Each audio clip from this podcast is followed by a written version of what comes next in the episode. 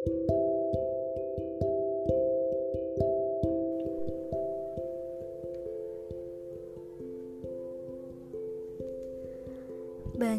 orang mengira bahwa semua yang ia suka, yang ia kagumi, yang ia inginkan, bahkan yang ia perjuangkan harus dimiliki.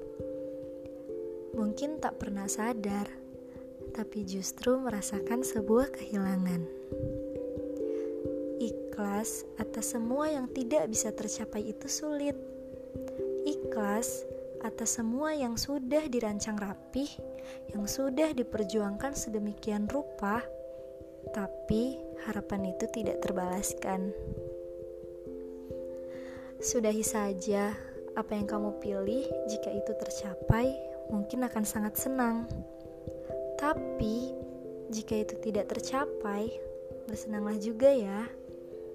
Walau ada sedikit kesedihan, jangan berlarut-larut karena yang tidak kamu dapat, Tuhan sudah merancang suatu hal lebih baik yang tidak pernah kamu duga.